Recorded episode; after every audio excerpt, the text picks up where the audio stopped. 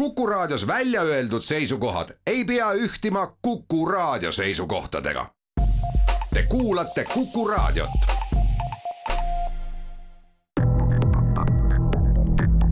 krimiraadio, Krimiraadio. tere, tere, jah, tõesti, eetris on taas Krimiraadio ja saatejuht Raul Ranne. mu tänaseks külaliseks on Ida prefektuuri piiri- ja migratsiooni järelevalve talituse juht Eerik Purgel, tervist! tere!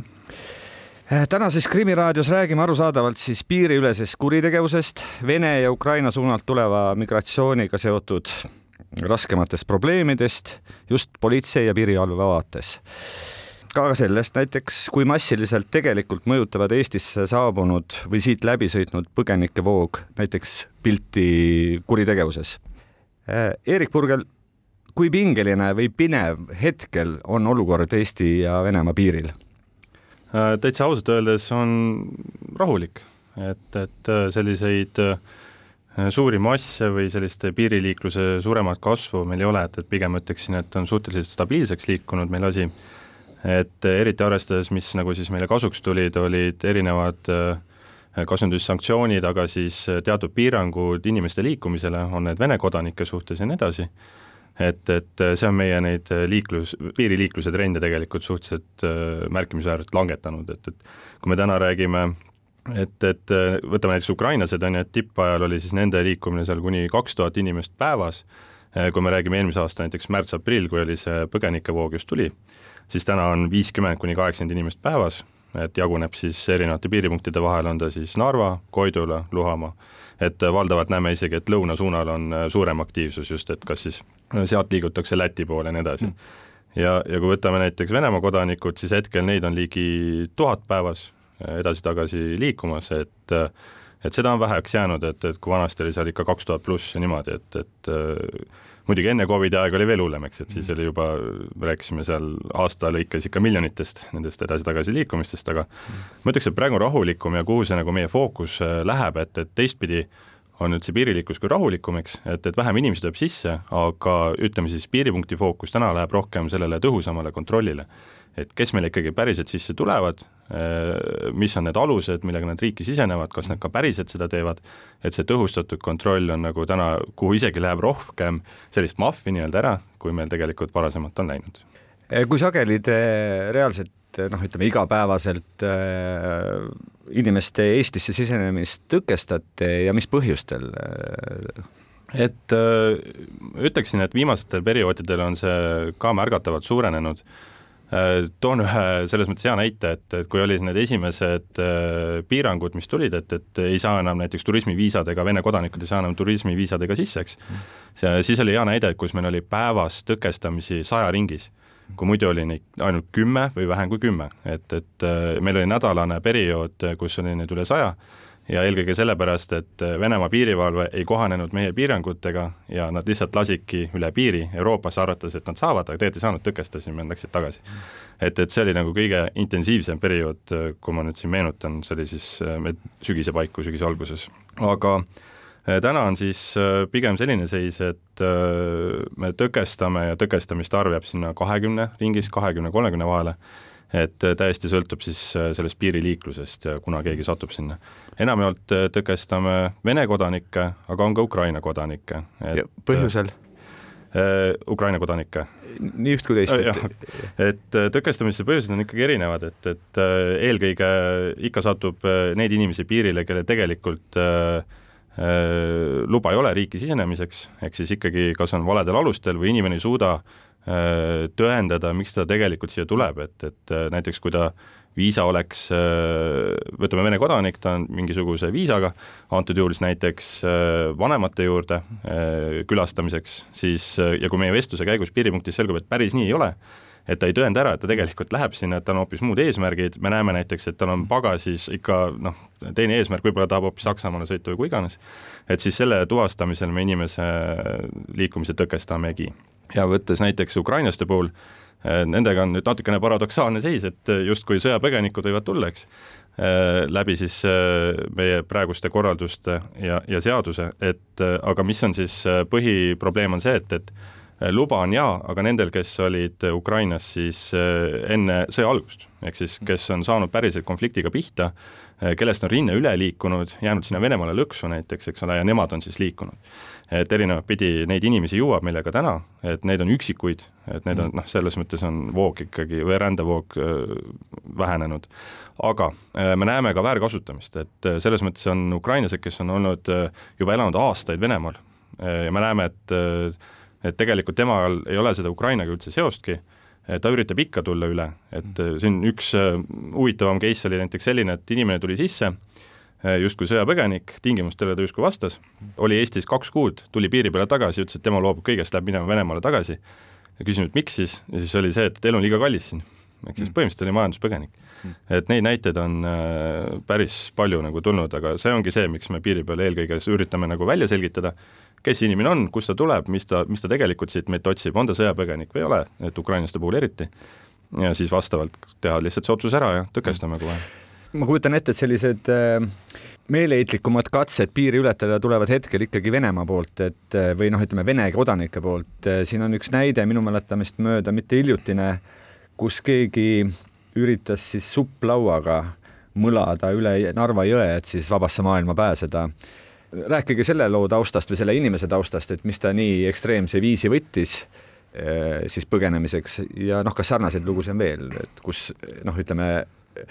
piiritõke või karmim piirikontroll on teinud inimesed siis teistpidi leidlikuks või vähemalt otsima mingeid uusi võimalusi? Et äh, ka antud juhul, et, et äh, ütleme, see kõik hakkab sellest kontekstist, et kui tuli see esimene mobilisatsioonilaine, äh, siis tekkis ju noh, vene meestel, noortel meestel hirm, eks, üritasid riigist põgeneda erinevaid viise kasutades, ka legaalseid, et meie õnneks, kuna me olime juba kehtestanud teatud piirangud Eesti piiril, siis meie poole see suur mass ei tulnudki, kuhu ta läks, oli hoopis sinna Gruusia, Kasahstan ja nii edasi, kus sai veel üle piiri tulla sellel hetkel, et sinna läksid ju tegelikult päris suured hulgad mehi üle piiri ja, ja kuna meilt nagu teistpidi nagu üle ei saa, võtame näiteks Ivangorodi äh, maantee piiripunktis, nemad juba tõkestavad, noh inimene ei saagi, no ütleme, et näiteks ta on juba saanud mobilisatsioonikutse, ega Vene piirivalvurid juba tõkestavad, ta ei jõuagi meile. Ja nüüd, mis alternatiiv jääb, ongi siis nii-öelda meie mõistes roheline piir, on ta siis meil näiteks jõepiir, Peipsi, on ta maismaapiir lõunas, äh, kus siis üritatakse, aga äh, võin öelda, et kes on päriselt mobilisatsiooni hirmust tulnud, ongi ainult see üksik case olnud, et seesama supilaua case, et ja pärast seda äh, me ei ole näinud isegi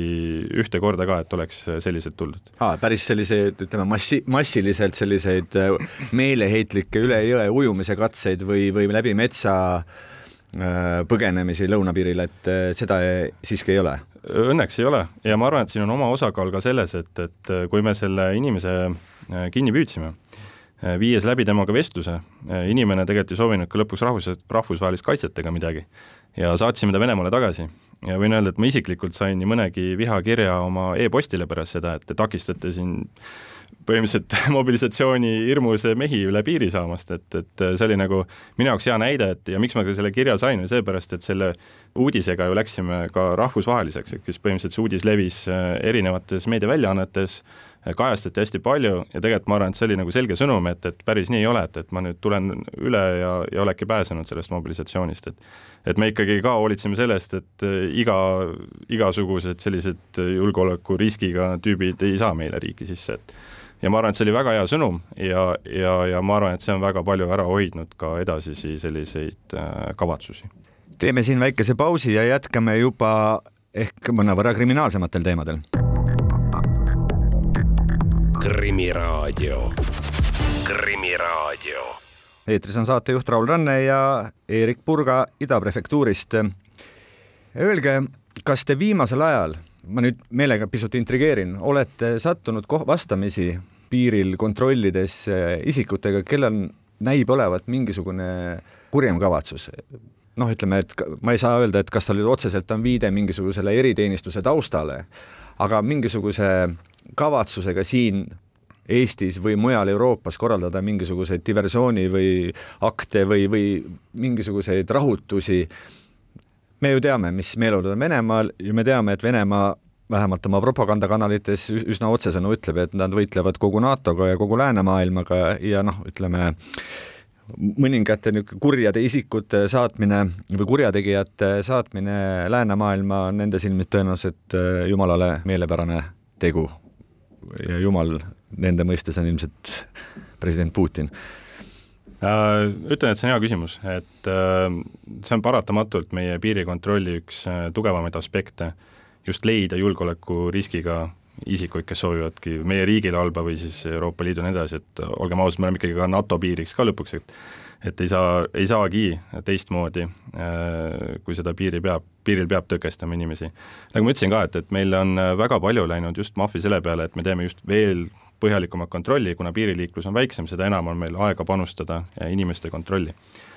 kui räägime juhtumeid, siis äh, paljuski äh, ei saa rääkida, sest et mõned asjad on menetlustes, aga võib öelda, et äh, jaa, oleme näinud teatuid isikute puhul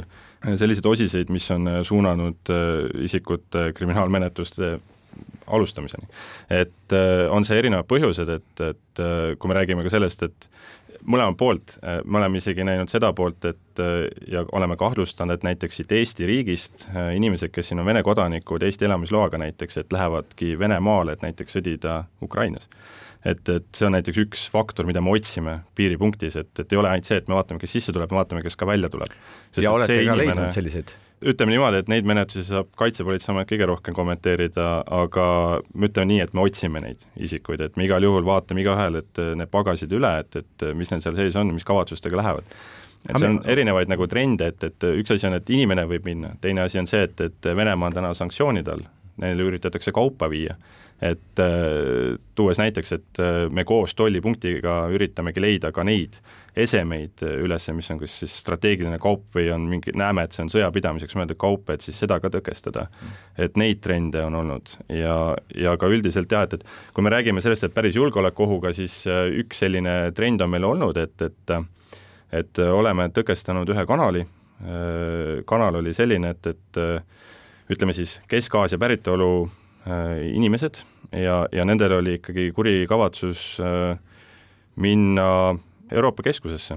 ja seal korraldada asju, et, et et äh, see on üks asi, mida avastas tegelikult meil Narva piiripunkt ja pärast seda leidsime trende ka teistes Euroopa piiripunktides just sellise profiili põhjal, et, et see on päriselt ilmselt mingisugune oht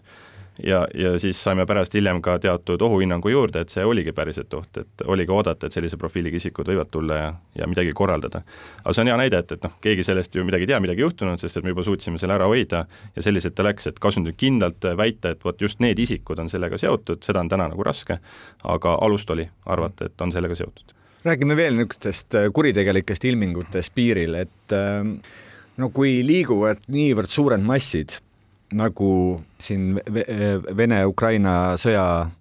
puhul on liikuma läinud, et meil, me saame rääkida ju päris mitmest sellisest suuremast lainest, esiteks siis, kui sõja alguses saabusid, eks ole, eeskätt lõuna poolt naised ja lapsed põhiliselt, seejärel tulid, eks ole, needsamad võib-olla naised ja lapsed eeskätt Venemaa poolt, seejärel, eks ole, need pigem nooremad aga võib-olla ka vanemad äh, venelased, kes ei olnud lihtsalt nõus selle agressiooniga ja kelle elu Venemaal oli võimatuks muutunud. ja noh, kolmandaks siis või neljandaks täpsemalt siis need, kes põgenesidki mobilisatsiooni eest, et äh, ja alati, kui, kui on massid liikumas, midagi pole teha, seal on ka äh, kohal inimkaubandusega tegelevad ehk et need, kes üritavad mingit olematut teenust või siis olemasolevat teenust äh, aga illegaalselt ilmselgelt teenust müüa, selle inimeste häda rahaks teha, kuivõrd noh, näiteks Eesti piiril piiril toimetades märkate või olete kokku puutunud, et sinnagi on tekkinud sellised mädapaised, kes seda inimeste häda üritavad ära kasutada? jällegi hea küsimus, siin on selles mõttes hea vastus anda, et me oleme sellega tegelenud ju igapäevaselt, kogu aeg et äh, ja, ja ütleksin selle koha pealt niimoodi, et kes inimkaubandusega tegelevad siis mingisugused organiseeritud võrgustikud, et äh, ka nemad jälgivad, millise piiripunkti kaudu nemad saavad oma toimetusi teha. ja, ja ma ütleksin täna niimoodi, et äh, meie piiripunktid on ühed kindlamad Euroopas sest et me oleme teinud päris piisavalt tõhustatult ja sihistatud tööd, et täna meie ei ole isegi äh, enam näinud eh, trende ega sellist nagu tunnelit, kus kaudu meilt üritatakse midagi läbi viia, pigem need kohad on mujal. teistes piiripunktides, teiste riikide piiripunktides, kus võib-olla nii süsteemselt või nii tõhusalt tööd seda ei tehta, nagu meie piiripunktides, kus meil on piisavalt profiilid ette antud, me päriselt küsitleme piisavalt, et saada aimu, kuhu see noh, kuhu ikkagi inimene läheb, kellega ta seotud on, et üldiselt piiripunktis me oleme kõik need asjad nagu avastanud, kui seda on, aga päris sellist inimkaubanduse faktorit ei ole, et, et pigem me näeme, et kui Eestit üldse kasutatakse, siis pigem transiitmaana. Et see ei ole koht, kus kohas sisse tuua Venemaalt inimene, et pigem on mingi muu selline isegi, isegi äh, lõunapiiril, noh, ütleme, kus see piiri niisugune füüsiline piir on võib-olla niimoodi äh, keerulisemalt tunnetatav, et sa otseselt okastraati ja väravat ees ei ole ja seetõttu võib-olla kiusatus sealt üle, läbi metsade ja üle piiri tulla on suurem, noh, meil on ju ka vanast, varasemast ajast mõned äh, episoodid olemas nii süürlaste kui ka vist vietnamlaste puhul, et nad sealt üritasid. ehk et keegi neid sinna suunas ja keegi selle eest raha võttis, et neid sinna suunata, et nüüd nende viimaste, viimase aasta juhtum, äh, sõja taustal ei ole, ei ole seda olnud, saan ma aru ei ole näinud, et, et noh, tuues näiteks vietnamlaste puhul ka, et, et tegelikult neid oodati lõpuks ikkagi Poola et, et Poolas oli see nii-öelda vastuvõtukomitee, kus kaudu üritati smugeldada, aga nagu ma ütlesin, on tunnel, see pandi kinni, leiti teine viis. ja täpselt vietnamlaste puhul me seda ka nägime, et hiljem, kui me saime näiteks Poola kolleegidega kokku, uurisime, et kuidas need trendid on, siis ongi, et seal hakati hoopis näiteks lennuliiklust kasutama ja noh, läks hoopis teist äh, viisi, äh, see tunneldamine. ja, ja, ja ma päriselt toon sinna päris hea näite, et, et et oleks naiivne uskuda, et, et see inimkaubandus nüüd päevapealt lõpeb ja mitte midagi rohkem seda ei ole elu sees, et ikka on, eks ole. ikka üritavad need organiseeritud grupeeringud leida mingisugust viisi, kuidas seda teha ja mina võtan seda analoogiana veevooluna. et sa paned Google'i tammi ette, eks ole, ja Eesti on täna see tamm, aga kuskilt voolab see ümbert läbi Muide, ja nendeks osutuvad teised riigid tihtipeale, kus me seda näeme. ma olen kuulnud ja kahjuks ei saa seda nagu faktina öelda, aga olen kuulnud, et siiski on Euroopas kinni peetud mõningaid eh, nii-öelda veoautosid või furgoonautosid, millest on leitud siis koorma asemel eh, hulk inimesi, kes,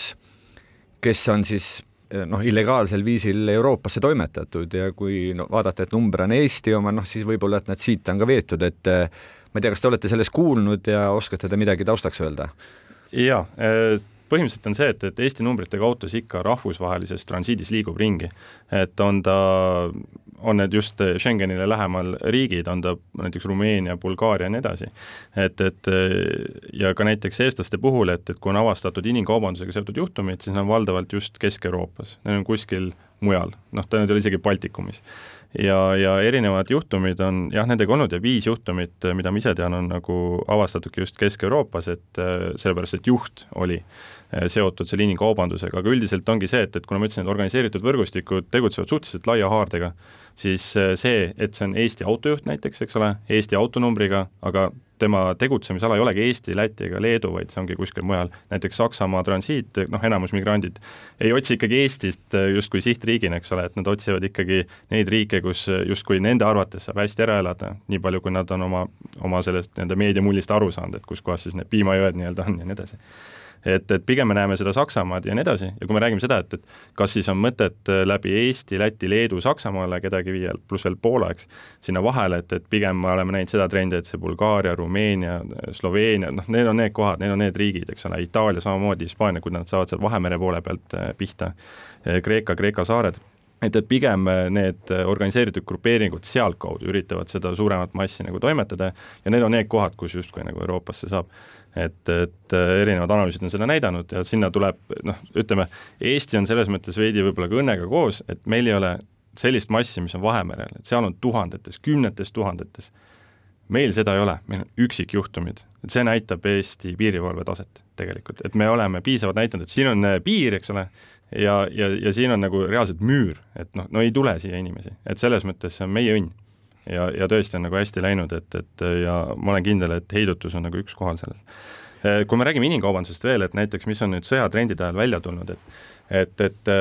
kõige ohtlikum selline faas oli siis just, kui sõda hakkas, eks. ja, ja, ja olid need esimesed kuud, kui see suurem rahvamass üritas pääseda Euroopasse ja nad tulid Poola, et sinna Poola on ju kõige noh, rohkem pihta saanud sellega, seal on miljonites ukrainlasi. ja alguses oligi, et väga raske oli ikkagi vastu võtta kogu seda suurt massi, seal olid erinevad laagrid ja nii edasi, ja, ja lugedes siis näiteks Europoli raporteid, siis seal tuligi välja see, et, et vot just nendes laagrites hakati väärkasutama. Ehk siis näiteks üksikud Ukraina tüdrukud otsiti sealt üles, taheti viia ära inimkaubanduse eesmärgil ja nii edasi. Ja mis veel kõige hullem, see on nüüd natuke naljaga pooleks, aga aga see tuli ka Europoli ühest raportist välja, et, et äh, pärast seda, kui sõda hakkas ja hakkasid need massiliselt äh, migratsioonivood liikuma, siis äh, Google search'is tehti üks väike analüüs, et mida siis otsiti kõige rohkem. Ja Ukrainian escort girl, selle trend kasvas nelisada protsenti. see on nagu üks näide, et tegelikult ka sihtgrupp kahjuks oli olemas, et noh, kuskil keegi ootas neid tüdrukuid, et selles mõttes see on nagu äärmiselt kahju, aga noh, see on selline maailm, kus me täna oleme, eks ole, et, et ja me peame aru saama, et see on nüüd see koht, mida hakkavad organiseeritud grupeeringud ära kasutama, sest neil on nüüd turgu, kuigi tavainimesed. et, et ja, ja see oli, et, et aga õnneks oligi see, et, et no läbi Eesti, Läti, Leedu niisugust äh, jama õnneks me ei näinud. teeme siin jällegi väikese pausi ja jätkame mõne aja pärast. krimiraadio Krimiraadio. krimiraadio jätkab, meil on nüüd telefoni otsas Tööinspektsiooni järelevalve osakonna juhtiv tööinspektor Jaanis Miilits. tervitus kõigepealt. Äh, tere, tere, head päeva. Äh, minu huvi on nüüd selline, et kas see massiline immigratsioon, väga paljude inimeste saabumine Eestisse, hädas olevate inimeste saabumine, on andnud teile rohkem tööd kui varem Äh, mingil määral kindlasti, eeskätt just seetõttu, et Tööinspektsioon ju eraldi võttis ette vastava sellise kontrollitegevused, millega siis, siis hakati üle vaatama Eestisse saabunud inimeste töötingimusi. selleks siis Tööinspektsioon kahe tuhande kahekümne teise aasta kevadest saati põhimõtteliselt on Äh, läbi viinud äh, sihtkontrolli siis Ukraina töötajate töötingimuste kontrollimiseks ning äh, kontrollinud siis eeskätt seda, et nende siis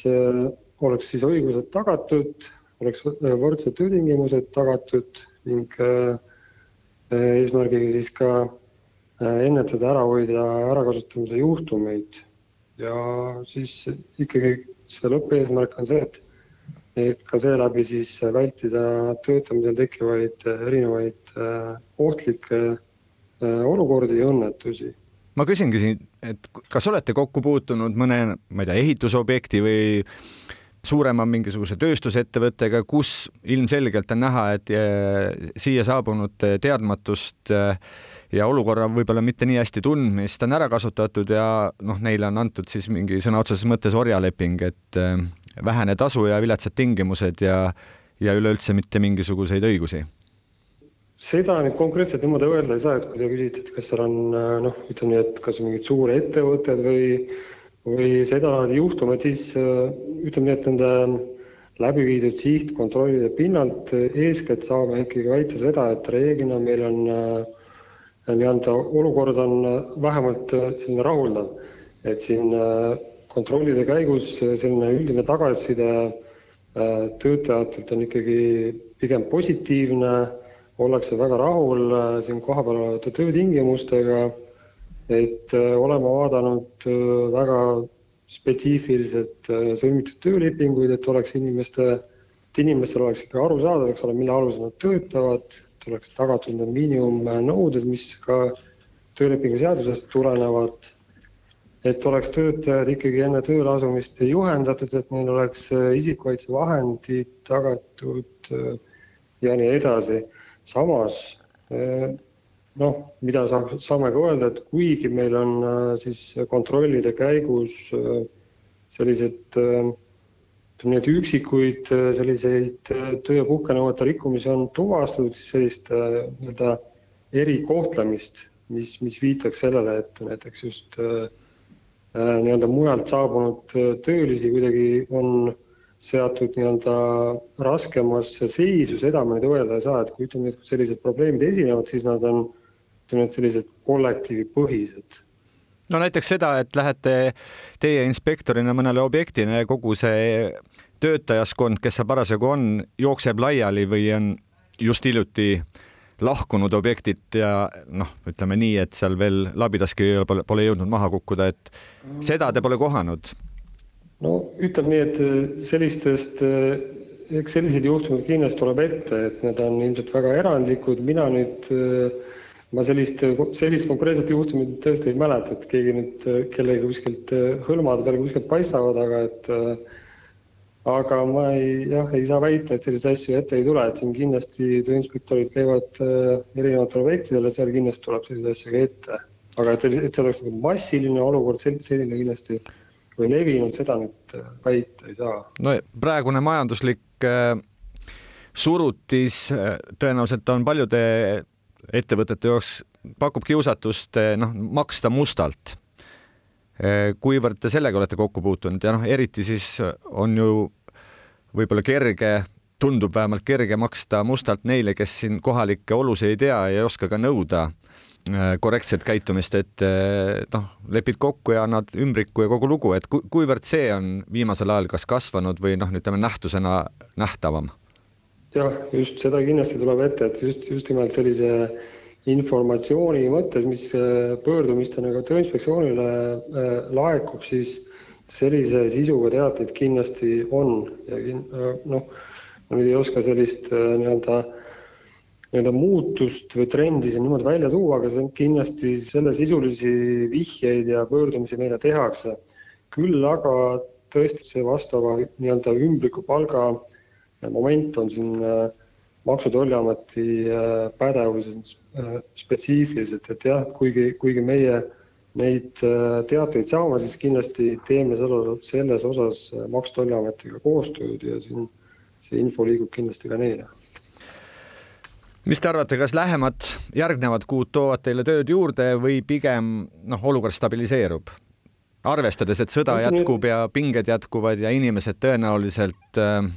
jäävad veel mõneks ajaks liikuma, ütleme siis, ma pean silmas sõja eest põgenevaid inimesi eeskätt. jah, no ma, ma loodan kindlasti, et see, see olukord, eks ole, stabiliseerub ja ka siin äh, töövaldkonnas see olukord läheb paremaks, ütleme nii, et seda oleme enda kontrolli käigus ka näinud, et, et vähemalt tundub, et see, et ka tööandjad, eks ole, kohanevad töötajad siin ka on, on rahul, eks ole, et see olukord vähemalt kuidagi äh, nii-öelda kehvemaks läinud ei ole, et äh, perspektiivis kuigi jah, tõepoolest see olukord jätkub, siis, siis ma loodan, et siin Tööinspektsioon on oma teavitusüritustega ka suutnud nagu enda kohalolekut ja sellist rolli siin välja näidata, et siin tõesti, et siin oleks, eks ole, välistatud sellise olukorra kehvemaks muutumine. ma usun, et, et meil läheb aina, aina paremini. usume meiegi, igal juhul suur tänu teile vestluse eest, Tööinspektsiooni järelevalve osakonna juhtiv tööinspektor Jaanis Miilits ja kõike paremat teile. aitäh, kõike paremat. Krimiraadio, Krimiraadio. Jätkame stuudiost. Vestlust Ida prefektuuri piiri ja migratsiooni järelevalve juhi Eerik Purgeliga. kui palju teie oma töös olete kokku puutunud nüüd viimasel ajal olukorraga, kus äh, üle piiri lubatud, ametlikult lubatud inimesed tegelikult on siin kuskil Eestis elades puutumas kokku või sattunud olukorda, kus neid ikkagi väga jõuliselt ära kasutatakse. noh, kasutatakse ära nende teadmatust, tead-, oskamatust ja võib-olla olukorra niisugune haprust üleüldse, et suunatakse tööle kuhugi, kus neil tegelikult reaalselt ei ole õigust ega ka palka mitte jaa, üldiselt äh, selliseid trende nüüd konkreetselt ukrainlaste või sõja, sõjapõgenikega ei ole näinud, et äh, pigem nad on suhteliselt iseseisvad ja toimepidavad. küll aga viidates siin kolleeg Tööinspektsioonist Jaanisele, et, et näiteks seesama olukord, et ümbrikupalgad ja kõik muu selline, eks, et mis me ise oleme näinud näiteks, et siin on varasemalt ukrainlane näiteks äh, töötanud, ütleme ehitussektoris, ja talle on väljastatud siis lühiajalise tööle registreerimine, LTR, äh, lisaks viisaga on ta siin olnud ja, ja mis me näeme seda, et kui sul on LTR, siis sellele on kehtestatud teatud palgatingimused, mis sa pead maksma tööandjale. ja mis me näeme seda, et, et meie saalidesse, kuna ajutist kaitset võtab PPA vastu täna, äh, näeme seda, et, et on sellised üksikud juhtumid, kus tulevad ukrainlased, kes omavad LTR-i ja, ja, ja soovivad ajutist kaitset ja siis me oleme pidanud neid ümber veenma, saades aru, et sellega tekib tööandjal õigus vähem palka maksta inimesele siis me oleme seda üritanud nagu ümber veenda, et ei, ei, et sa ei pea seda tegema. et, et äh, see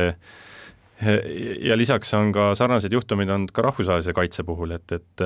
et pigem seal me teeme seda ennetustööd, aga mujal ei ole ta nagu välja paistnud, et me näeme, et sellega me suudame juba päris hästi ennetada. et, et, et pöörates sellele tähelepanu ja andes inimestele info, sest et infovaeguses nad on, peab tõdema, et ukrainlased ise ei ole väga digisõbralikud, nagu võib-olla eestlased on, eks, et äh, alates siin e-keskkondade või e-taotlustest, et äh, väga raske on nendeni jõuda ja, ja, ja tekitada see oskus. et seda oskust me näeme, et saame tekitada ainult teenindussaalis, ise füüsiliselt, andes selle info inimestele. et, et pigem nagu, pigem nagu see ja, ja vot see ongi see, et me üritame nüüd nende teadlikkust tõsta, koha peal füüsiliselt äh, nendega olles, näidata, mis võimalused on ja, ja lihtsalt lisades teadlikkust, sellepärast nad ei tea meie seadusi nii hästi, ennetada siis väärkasutamist. et täna me nagu oleme näinud, et üksikud jah, juhtumid on olnud, teatud ettevõtted, need ettevõtted on meil ka varem olnud nii-öelda silmapiires siis ütleme. et, et ja see annab ka meile tegelikult teise indikatsiooni, et sellele firmale tuleb rohkem tähelepanu pöörata. et noh, firmad tegelikult, võib-olla need ettevõtted vist väga ei saa aru, et, et see on ju ka trend, mida me ise jälgime, et noh, see on väike niisugune hoiatav sõnum neile, et et seda pole mõistlik teha. siin äh, mõni aeg tagasi oli jutuks ka Poola ja, ja eskorttüdrukud, et kas äh, olete ehk Eestiski või Tallinnas näiteks kohtunud, äh, kokku puutunud olukorraga, kus äh, noh, äh, naistelt siis ja tütarlastelt on noh, nende mingisugust usaldust ja kuritarvitades pakutud küll tööd, aga töö on osutunud klassikaliseks bordelliks või midagi taolist, et noh, me teame, et aastad-aastad tagasi juhtus ju väga paljude Eesti tüdrukutega, kes eh, tahtsid minna kuhugi Lääne-Euroopasse tööle ja üsna varsti olid nad sageli just nimelt eh, seksitööstuse orjad. et kas midagi sellist on Eestis olnud märgata? ma saan aru, et me saame rääkida üksikjuhtumitest, aga siiski. minu teadmiste kohaselt PPA-l eh, politseil sellist infot ei ole, et selles mõttes trendina ma seda lugeda ei saaks. et pigem ei nüüd suurte masside liikumisel, kui me räägime näiteks Ukrainast, põgenikest, eh, aga ka Venemaalt viimastel kuudel saabunutest, siis me muidugi võtame kõik vastu, aitame, kes on hädas ja nii edasi, aga me saame ka väga hästi aru, et eh, suurte masside seas nagu kõikide rahvaste seas leidub piisavalt kaabakaid, et kui palju reaalselt on Äh, Ukrainast ja Venemaalt saabunud Eestisse elama asunud inimeste seas siiski kurjategija, et kui palju on reaalselt mingisugune kuritegelik tase tõusnud just nimelt selles sektoris? et äh, inimesed, kes on hiljuti saabunud, noh, on üsna varsti siis mingisuguse seaduserikkumisega hakkama saanud, suurema või väiksemaga? Me just hiljuti tegelikult, äh, vähemalt Ida prefektuuris tegime sellekohase analüüsi ka, viisime läbi, et just leida need trendid üles, et kas siis nende sõjapõgenikega, nende tulles, nende viibides siin Eestis, kas on mingisuguseid äh, trende tekkinud, siis võib öelda, et äh, tegelikult ei ole. et, et ma ütleksin, et on nagu justkui sulandunud süütegude mõistes meie kogukonda, et äh, näiteks vähemalt ida puhul me ei näinud, et isegi ka näiteks lähisuhtevägivalla juhtumid oleks midagi eriliselt nagu suurenenud, et pigem me nägime liiklussüütegusid, ja just, et äh, nüüd on mass taga, eks ole, ja paratamatult liiklussüüteod lihtsalt arvuliselt tõusevad. liiklussüüteod, see on nüüd kiiruse ületamine ja, ja, ja midagi taolist, jah? õige, et, et pigem nagu need juhtumid, need olid suures osas. Äh, aga, aga ülejäänud juhtumid olid äh, pigem mitte, et on seal varavastased süüteod kui sellised, no nende varavastase süütegude saab kommenteerida nii palju, et, et kui oli see suvine aeg ja ukrainlased olid siin, siis olid ka mustlased siin. Ja, ja, ja mis siis juhtus, oli see, et, et äh, suvilates inimesed ise mm, vabatahtlikult küsisidki nende teenuseid, ehitada seal katus ära, ehitada kuur ära, mis iganes ära vaja parandada, ja, ja see raha maksmine käis ju käsirahas, sularahas, eks ole. ja, ja pahatihti tõi see kaasa selle, et, et äh, kumbki pool sai petta ja, ja see oli naljakas, et kumbki pool, et, et oli nii ühelt poolt äh, inimene ise ei maksnudki siis Ukraina selle töö eest, eks ole. ja ukrainlane ei teinud ka piisavalt seda tööd ära või? Äh, oli ka mõlemat pidi yeah., tegi hästi tööd ja ei teinud, eks ole. ja, ja, ja, ja teine pool oli see, et, et töö jäigi tegemata, inimesi ei petta, eks ole. et, et siinkohal ka sõnum, et, et meil on ju jälle suvine aeg tulemas, eks kevadine aeg, aiatööd ja kõik muud, et tegelikult see trend võib uuesti tekkida. et ma panen inimestele kõvasti südamete, et pigem ikkagi olge kindlad, keda te nagu tellite, et võtke siis kas ametlikust kohast või tõesti inimene, keda te nagu isiklikult teate, kes oskab asju teha, et, et mitte see, et, et ärge võtke seda teenust. sest et äh, sellega juhtub see, et, et meil tekibki teatud grupp inimesi, kes aina rohkem hakkavad viibima siis suvilate piirkonnas ja otsimagi tööd, mis võib paratamatult kaasa tuua needsamad varavastased süüteod. et, äh, et see on nagu üks trend, et, et see on tõesti, mida ma inimestele südamele paneks, et, et pigem ikka usaldage, keda te tööle endale võtate. aga seda, et koos tohutu põgenikevooluga oleks meile Eestisse ja võib-olla siit edasi ka mujale Euroopasse imendunud või siia sattunud mõned tõsisemad organiseeritud kuritegevuse rakukesed või lausa noh, et siin oleks laiali löödud mingisugune tegevus, seda te pole märganud? Äh, seda saab Keskkriminaalpolitsei ilmselt kõige paremini kommenteerida, aga minuni niisugust infot ei ole jõudnud, et, et äh, ja see on üldse üllatuslik ja pigem positiivne, et tegelikult kuigi meil on ukrainlaste kogukond, on Eestis, neid on siin üle neljakümne tuhande, kes on saanud ajutist kaitset, eks kuskil kuuskümmend tuhat peaks siin meil tegelikult olema Eestis. no, no ei ole trende, ei ole selliseid põhjapanevaid trende, et nüüd on totaalselt kuskil mingis sektoris midagi põhja vajunud, no ei ole. Pigem on nad sulandunud, kuigi siin on üks oht, mida peab tähele panema, et, et, et, et see on täna. See on tänane olukord, aga mis on see aasta pärast või kahe aasta pärast, et, et kui see asi hakkab liikuma vaikselt juba sinna diasporaa poole, eks ole, oma kogukonnad ja nii edasi, et, et mis trendid ja ohud siis hakkavad tekkima, ma arvan, et neid me võime alles näha, ehk siis tuleviku osas me oleme pigem skeptilised, jälgime neid trende, PPA-na eriti, et, et ja pigem üritame võimalikult maksimaalselt ennetada neid probleeme. täna oleme ka samamoodi leidnud kõik, kõikvõimalikud võrgustikud üles, et vähegi hoida selle kogukonnaga sidet. Ja selles oleme edukad olnud, et, et ja oluline ongi siin mitme asutuse vaheline koostöö, kes kõik me oleme seotud ju ukrainlastega, ta on isegi alates Kultuuriministeeriumist, kuni tõesti lõpetades siis Siseministeeriumini välja, eks, kõik oleme sellega seotud ja kõik üritame üheskoos siia lahendusi teha, aga jaa, pikaajalises vaates on praegu raske ennustada, milline stsenaarium päriselt meile nagu rakendub. aga, aga täna, täna on, ütleme hästi, pigem hästi. ma peaksin veel enne seda, kui saade päris läbi saab äh,, tagasi minema piiri peale, ehk et äh, no näiteks Narva, aga ka teised piiriäärsed alad. On ju teada, et piiriäärsed alad sageli on kriminogeensemad, sest piiril käib alati lisaks seaduslikule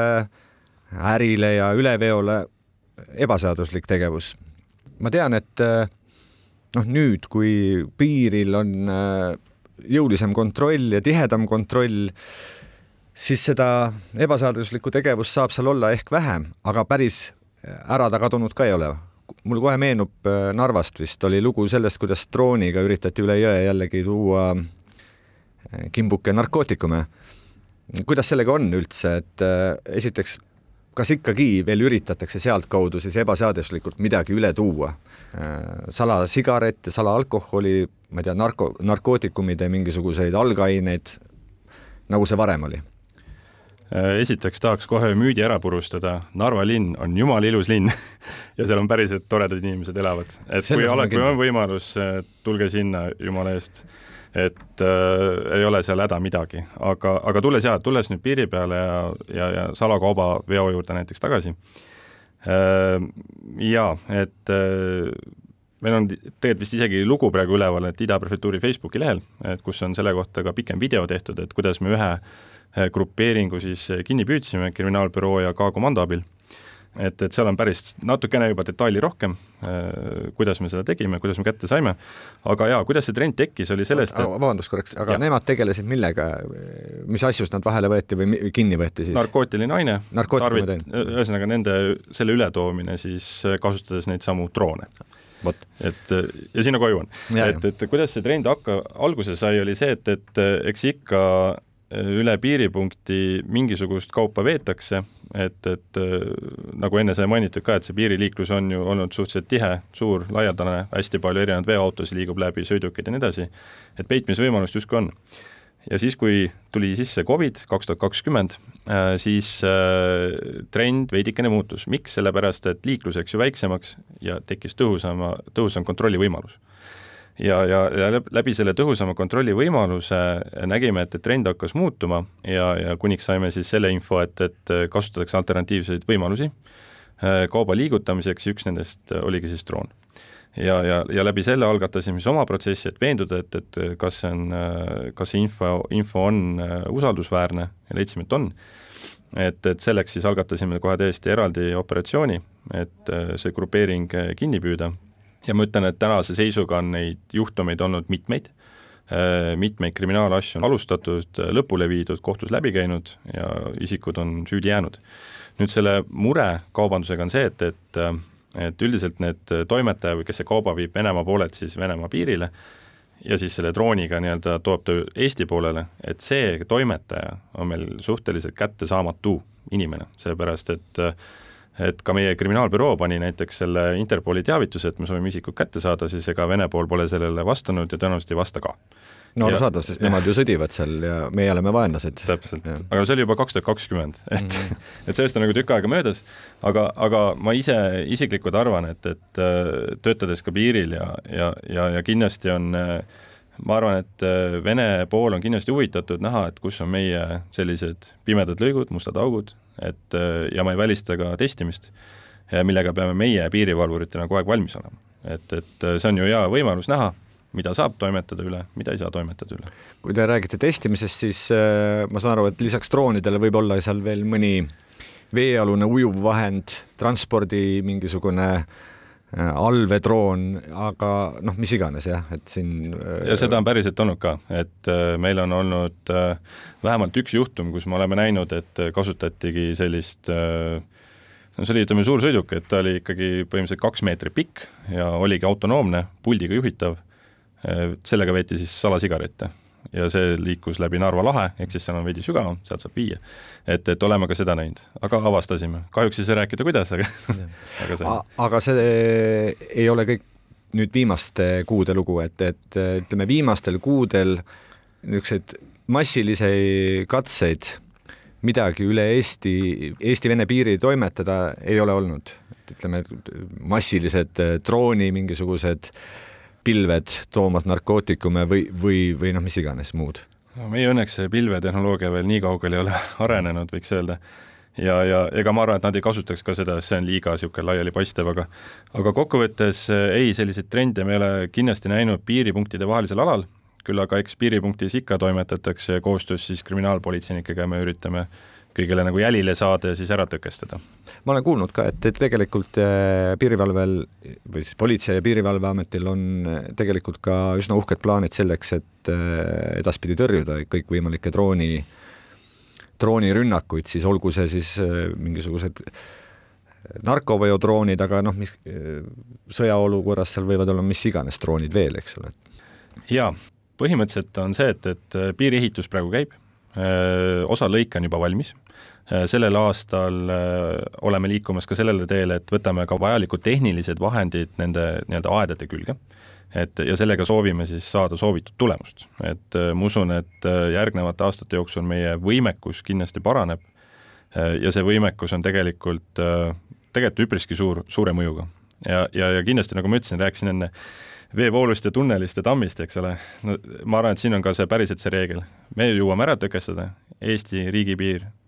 on hea, toimib, keegi ei taha meid tuua, aga kuskilt ikka see grupeering üritab läbi tulla. aga vähemalt ei ole meie riigis